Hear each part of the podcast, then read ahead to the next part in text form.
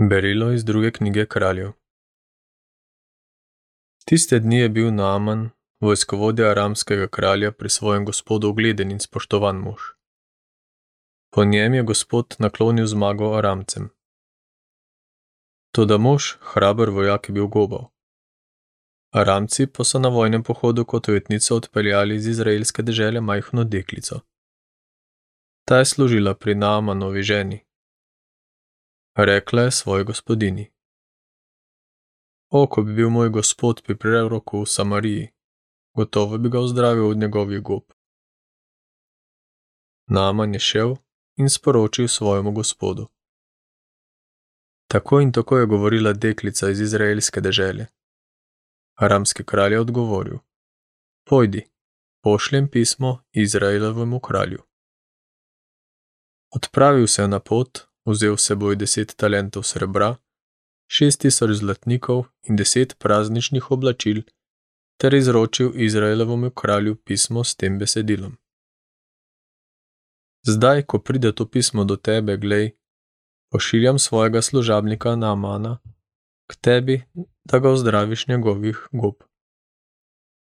Ko je Izraelov kralj prebral pismo, je pretrgal svoje oblačila in rekel: Se mar jaz Bog, da bi mogel usmrtiti in oživiti, kar ta pošilja k meni, da ozdravi moža njegovih gob?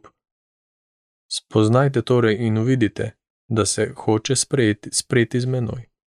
Spoznajte torej in uvidite, da se hoče sprejeti z menoj. Ko pa je božji mož Elizej slišal, da je Izraelov kralj pretrgal svoje oblačila, je dal kralju sporočiti. Zakaj si pretrgal svoje oblačila? Naj pride k meni in naj zvi, da je prerok v Izraelu. Prišel je torej Naman s konji in vozom, ter se ostavil pri vratih Elizejeve hiše. Elizej mu je poslal sla z naročilom: Pojdi in se umij sedemkrat v Jordanu, in boš spet zdrav in čist. Naman je jezen odhajal in govoril: Glej, mislil sem, da bo prišel k meni, se vstopil in klical ime Gospoda, svojega Boga, položil roko na rane in tako zdravil gobe. Mar nista reki v Damasku, Abana in Farfar, boljši kot vse Izraelove vode? Ali se ne bi mogel v njih umiti in očistiti? Obrnil se je torej in srdito odhajal. Njegovi služabniki so pristopili in mu rekli: Oče, ko bi ti bil prerok naročil kaj težkega, ali bi ne bil tega storil? Koliko bolj, kot je rekel, umij se in boš čist. Teda je šel in se po besedi božjega moža sedemkrat potopil v Jordanu. Njegovo telo je spet postalo, kakor telo majhnega dečka. Bil je čist. Tedaj se je vrnil z vsem svojim spremstvom k božjemu možu.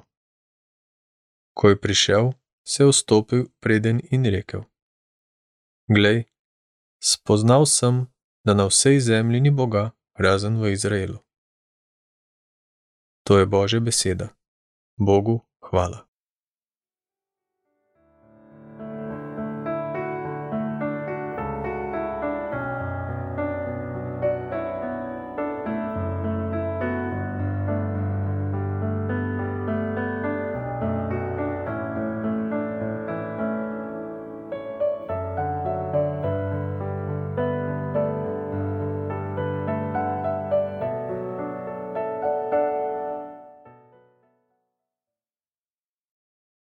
Odpev.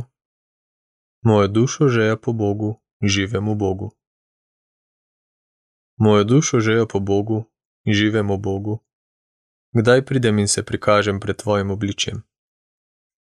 Kako sem v množici hodil k Božji hiši, med radostnim petjem v prazničnem zboru. Moja dušo žeja po Bogu, živemu Bogu. Pošli svojo luč in svojo zvestobo.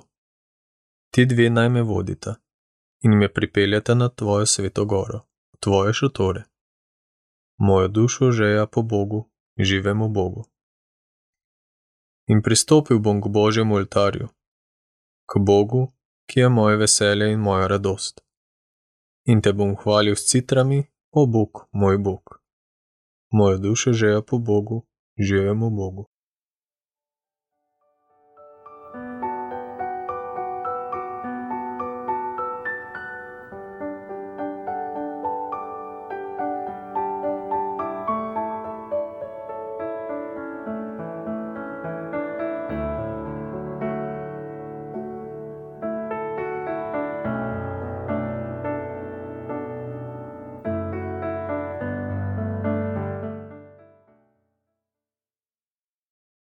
Glejte, zdaj je čas milosti, glejte, zdaj je dan rešitve. Iz svetega evangelija po Luku. Ko je prišel Jezus v Nazaret, je v vzhodnici govoril ljudstvu: Resnično povem vam, nobenega preroka ne sprejmejo v njegovem kraju. V resnici pa vam povem: Mnogo vdov je bilo v Izraelu v Elijevih dneh, ko se je zaprlo nebo za tri leta in šest mesecev in je nastala velika lakota po vsej deželi. Pak noben izmed njih ni bil Elija poslan, razen kudovi v Sarepto na Sidonskem. In mnogo gobavih je bilo v Izraelu ob času preroka Elizeja, pa noben izmed njih ni bil očiščen, razen Naamana, ki je bil sirec. Vsi vzhodnici so se razsrdili, ko so to slišali. Vstali so, ga vrgli iz mesta ter odvedli na rob hriba, na katerem je bilo njih mesto sezidano, da bi ga pahnili v prepad. Toda on je šel posredi med njimi in je odhajal. Kristusov evangelij. Hvala tebi, Kristus.